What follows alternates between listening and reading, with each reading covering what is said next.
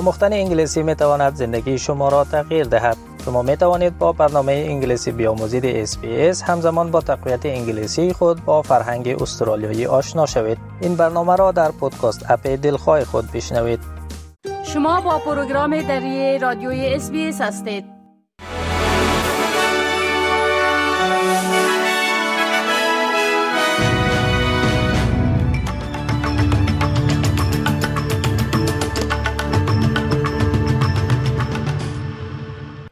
با عرض سلام ما صاحب شکیب شما را به شنیدن مهمترین اخبار امروز چهارم ماه آگست سال 2023 دعوت می کنم. ریچارد مارلز وزیر دفاع از استفاده از هلیکوپترهای MRH-90 تایپن پس از سقوط فاجعه بار یکی از آنها در حال دفاع کرده است که جستجو برای یافتن چهار سرباز سوار در آن هنوز ادامه دارد. این هلیکوپتر در جریان تمرینات چند ملیتی تالسیمان سیبر هفته گذشته در سواحل شمالی کوینزلند سقوط کرد و اکنون در جریان جستجوی عمله آن بقایای انسانی شناسایی نشده پیدا شدهاند. یک گزارش جدید نهاد به سرپناهی استرالیا حاکی از آن است که بحران مسکن و افزایش فشار مالی بیش از 1600 نفر را در هر ماه به سوی به خانمانی سوق می دهد.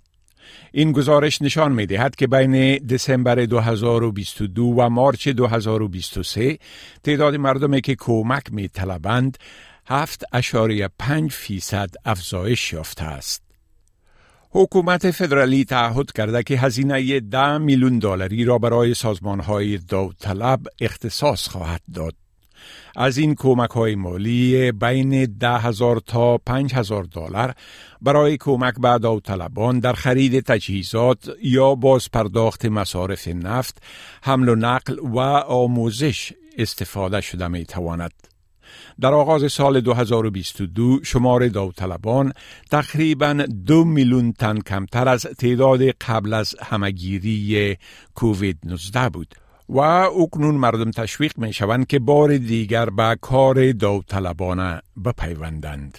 23 مین جشنواره سالانه گارما در آرملند در قلمرو شمالی آغاز شده است. انتظار می رود که در حدود 2600 نفر در این جشن چهار روزه که امسال به صورت خاص بر همه پرسی آینده در مورد صدای بومی در پارلمان متمرکز خواهد بود گرد هم آیند. صدر اعظم و وزیر بومیان هم در این گرد همایی شرکت می کنند. جشنواره گارما تجلیل از زندگی و فرهنگ مردم بومی یولگو است که در شمال شرق آرملند برگزار می شود.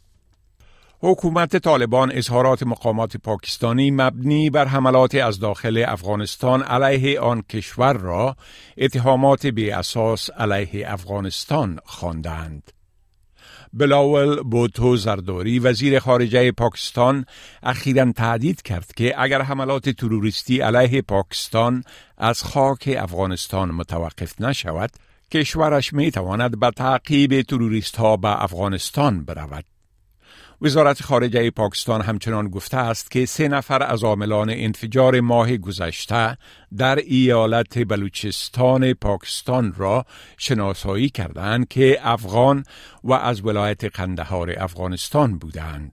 زبیولا مجاهد این اظهارات را اتهامات بی اساس خوانده و در توییت نوشت که حکومت طالبان آنها را رد می کند و تاکید کرد که طالبان به هیچ کس اجازه نمی دهد که از خاک افغانستان بر ضد کشور دیگر استفاده کند. دسته های از مظاهرچیان هین حضور دانالد ترامپ در محکمه فدرالی در واشنگتن گرده هم آمدند که بعضی از آنها آقای ترامپ رئیس جمهور سابق ایالات متحده را ستایش و بعضیشان محکوم می کردند. آقای ترامپ خود را از چهار اتهام فدرالی که بر وی وارد آمده به شمول توطعه برای فریب دادن ایالات متحده گناه دانسته است. این بود خلاصه از مهمترین اخبار از برنامه دری اس آدیو شما می توانید گزارش های بیشتر درباره موضوعات گوناگون را در وبسایت ما با آدرس sbs.com.au دری بشنوید و بخوانید.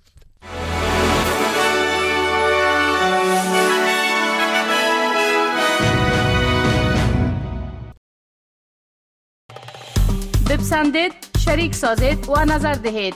اسپیس دری را در فیسبوک تعقیب کنید.